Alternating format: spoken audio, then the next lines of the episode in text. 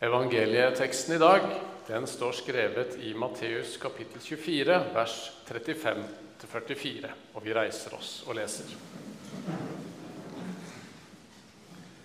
Himmel og jord skal forgå, men mine ord skal aldri forgå.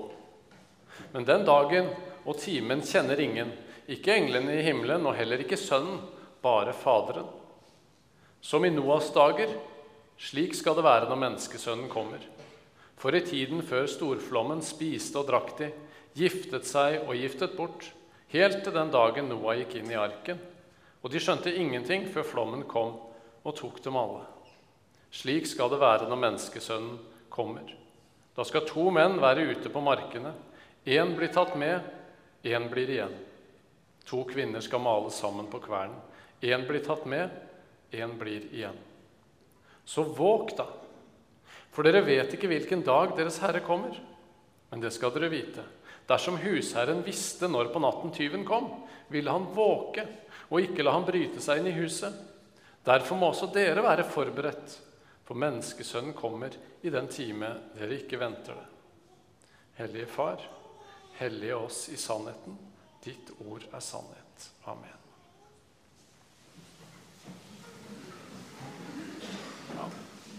Denne teksten den åpner jo virkelig med et smell. da. Himmel og jord skal få gå. Kanskje skulle vi snakke om noe annet? Nei, vi skal ikke la det passere helt ubemerka hen i dag. Det er jo derfor vi har ordningen med bibeltekster som varierer gjennom kirkeåret. Så vi kan ta fram ulike sannheter fra Bibelen, og ikke bare snakke om favoritthistoriene våre. Det er en velsignelse i det, selv om det kan være ganske krevende. På denne tida av året, nå før advent, også litt i advent, så er det mye alvor i tekstene vi møter. Her er Jesus aleine med disiplene sine, sine venner. Han forteller om de siste ting. Nå ligger kors og død rett foran Jesus. Han forbereder disiplene på det som skal komme seinere. Og så sier han, 'La dere ikke skremme'. Så forteller han bl.a. det vi leste i dag. Nå vil han fortelle det til deg og meg også. Vil du stoppe opp og lytte? Være aleine med Jesus? Det som er litt spesielt i vår tid, det er jo at vi møter dommedagsprofetier oftere i mediene enn det vi gjør i kirken.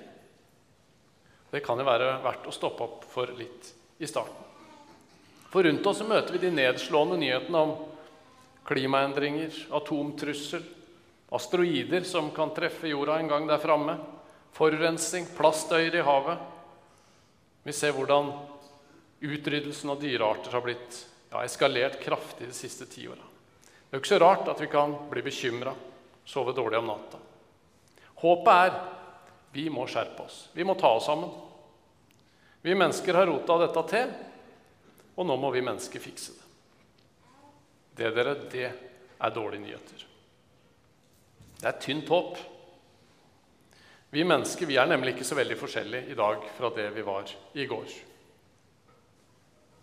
Vi har riktignok litt mer og litt bedre teknologi. Men hvis vi i går tenkte mer på oss sjøl og på vår egen velstand og velvære enn vi tenkte på andre mennesker og naturen og skaperverket, da gjør vi vel kanskje det også i morgen. Teknologien blir aldri bedre enn modenheten til oss som bruker. Dessverre. Og vi kan jo bli motløse av mindre enn det. Bibelen presenterer også noen profetier om at denne jorda, sånn som vi kjenner den, den skal bli helt annerledes, gå til grunne, bli ny. Ja, I sin nåværende form så skal den i hvert fall ikke være lenger sånn som den er. Men så legger ikke Jesus framfor oss motløshetens vei i møte med det budskapet. Snarere håpets vei. Bibelen presenterer dette her som gode nyheter. Jesus skal komme igjen. Fra Paulus så hørte vi Gabriel leste 'Trøst hverandre med disse ord'. Trøst. Hvordan kan det være trøst? Noen av oss har det jo så innmari bra nå. Tanken på himmelen den virker nærmest litt sånn skremmende. Tanken på at Jesus skal komme igjen. Jeg vil jo bare klamre meg fast til alt jeg har nå, som er så bra, som er så godt. Og Det er jo godt det å være takknemlig for det livet vi har i dag. Det er flott. Men så er det sånn at det Jesus har gjort klart for oss der framme, det er altså uendelig mye bedre enn selv det vi i dag kan oppleve som godt. I hvert fall til tider. Så skal vi stoppe for tekstens første 'men'. Himmel og jord skal få gå, men, men mine ord skal ikke få gå. I møte med vår flyktighet og vår dødelighet, vår forgjengelighet, tidvis vår feighet, vår skam, vår mislykkahet I møte med alt dette her så er det noe som står helt fast. Noe som ikke rokkes, selv om du kjenner at det brytes inni deg, og det brytes på dypt nivå, i dypet av din identitet, kanskje. Han som har skapt alt, han står fast. Og hans ord, som har skapt alt, det står også fast. De orda som sa 'bli lys', og som hadde kraft til å skape det. Det er de orda som i teksten fra Jesaja, som Markus leste, sa om Israel Du er mitt folk. Og gjennom det folket, deres Messias, som har blitt vår Messias også, sier det samme til oss. Dere er mitt folk. Ja, han sier det til deg. Du er min. Jeg har kalt deg ved navn. Du er min, står det. Vil du ta Gud på ordet? Vil du leve som om det er sant? Ja, for det er sant. Du er hans. Løftene fra Guds ord de vil alltid stå fast. Guds mektige ord skal en gang skape en ny himmel og en ny jord, hvor Jesus er herre. Hvor dyrearter ikke lenger utryddes, men ondskapen utryddes. Ja, den er utrydda når vi kommer så langt. Det er jo her Jesus blir ganske så nærgående i tekstene om oppgjørets dag. Det onde, synden, skal nemlig ikke bare feies under teppet. Saken foreldes ikke om vi bare er på rømmen lenge nok kommer et reelt oppgjør til sist. Helt fram til våre dager så er det en gjeng med nazijegere som har jobba. Som har jakta fram de siste forbryterne som er igjen etter andre verdenskrig. Som var med på grusomme synder. Og selv om disse i dag er både 90 og 100 år, så har de blitt jakta ned helt til det siste. De har ikke gitt seg. For det skulle ikke være sånn at de bare kunne slippe unna med det de hadde gjort, fordi de hadde klart å rømme. Og selv de som døde før nazijegerne fant det, de kommer til å få en dom en gang. De slipper ikke unna et oppgjør. En god og rettferdig dommer kan ikke se mellom fingrene med synd og ondskap. Verken i mitt liv eller i andres liv. Heller ikke de små syndene og tilbøyelighetene som jeg kan være min dom over meg sjøl. Ja, ja, det er lite grann, men så gærent er det vel ikke? Det var disse små syndene og tilbøyelighetene som gjorde at mange helt vanlige folk i Tyskland i 30-åra og inn da i 40-åra endte opp et sted hvor de begikk uhyrlige ugjerninger. Et lite skritt av gangen. Det er en skremmende tanke. Hvis situasjonen var annerledes, kunne det vært oss. Det er gjort mange eksperimenter og forsøk hvor man finner det deprimerende svaret at helt vanlig, gjennomsnittlige folk kan drives til å gjøre uhyrligheter hvis bare omgivelsene legger til rette for det på den riktige måten. To av tre blir leda til å ta andres liv hvis de den, får den tro at dette her er det rette. Det er ganske deprimerende ting. Så det kommer et oppgjør. Og det er i utgangspunktet dårlige nyheter for oss. Men så fortelles det en historie om to klassekamerater. Etter videregående skole så skiltes dere veier. Livene levdes uten noe kontakt etter det. Sånn er det jo gjerne for mange av oss. Den ene blei dommer i retten. Gjorde det skarpt. Den andre, hans liv gikk i en helt annen retning. En dag så sitter denne dommeren på sin trone, og så ser han over på tiltalebenken.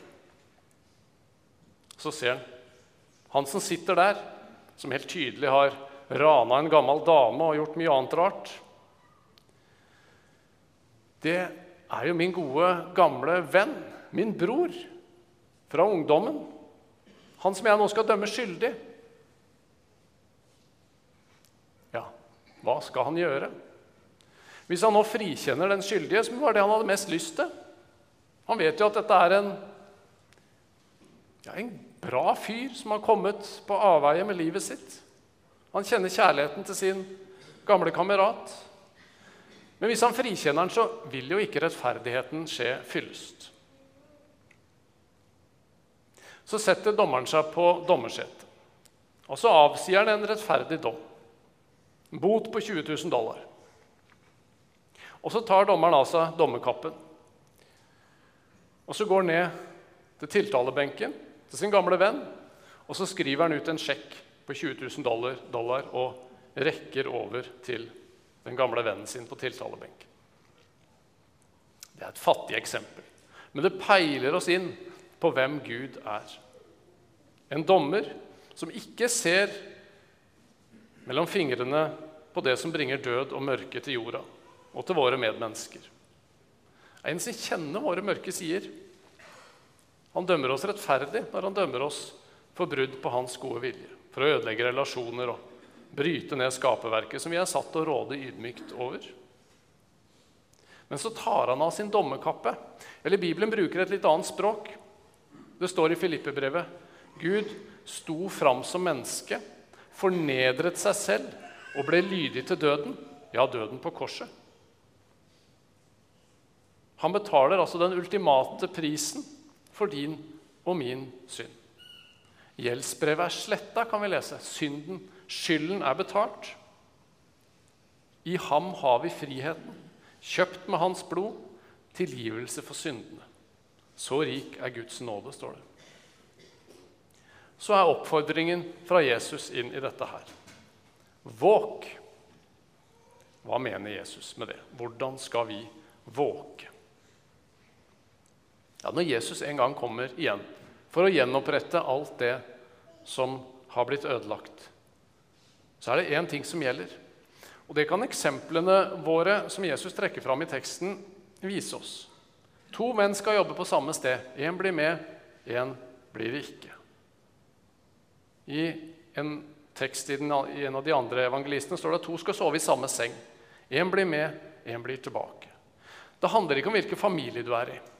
Det handler ikke om hvilken menighet du går i, hvor du jobber, hvilke sosiale sjikt du frekventerer.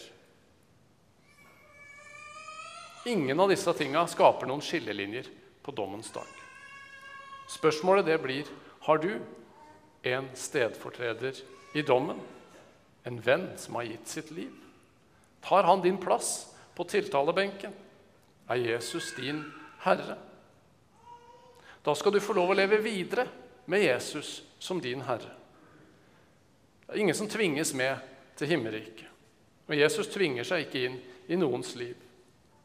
Han respekterer ditt valg også hvis du vil leve uten ham. Men da må du sjøl møte dommen og en evighet uten Gud. Å være våken, det er å være forberedt, å være godt forberedt. Det er å leve livet sitt med Jesus som Herre. Ikke som en teoretisk kunnskap som vi kan lese om i en bok, eller som en intellektuell tilslutning til et verdensbilde som gir en viss mening, og som vi kan trekke fram i filosofiske diskusjoner. Nei, det er å bygge selve livet sitt på sannheten om at Jesus, han lever. Han er her. Han står bak alt, og han vil være min herre. Jesus tar tankene våre tilbake til Noas tid. Den arken som redda Noah, sier Peter i sitt andre brev, det peker fram mot dåpen, det.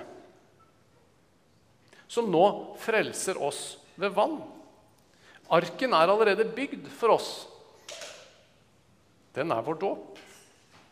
I dåpen så mottar vi Guds beskyttende ark mot flom, mot dom.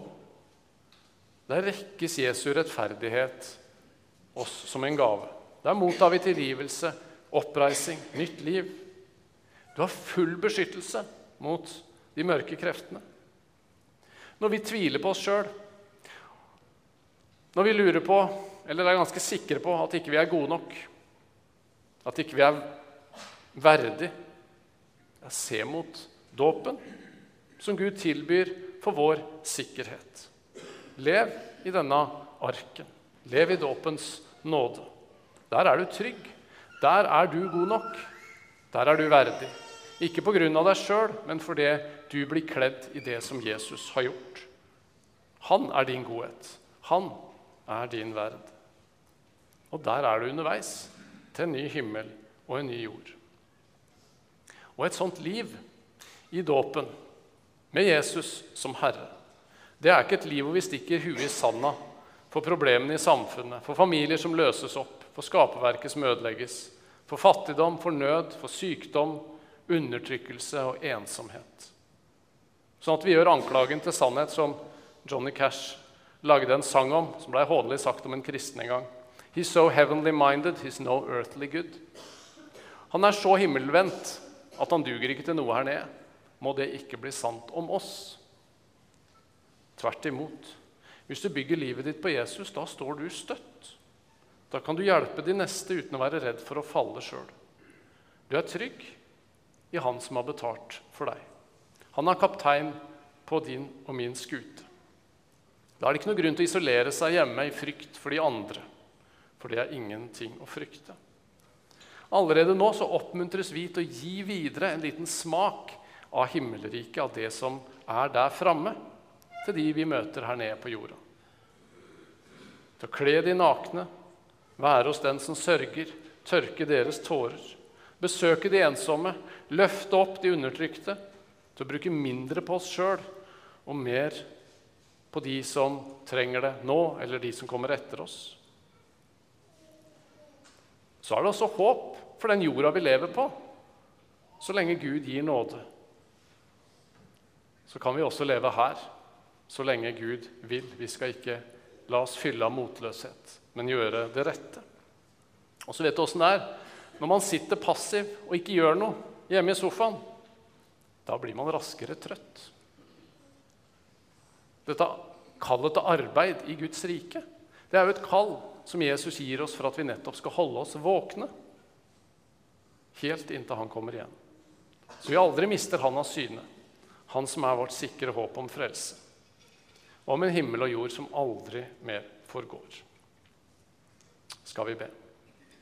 Kjære Herre. Du må gi oss tro og visdom i møte med ditt ord, som mange ganger kan være litt vanskelig for oss, Herre. Men la oss stole på at det er sant, at du alltid vil det beste for oss. Velsign oss i ditt navn. Amen.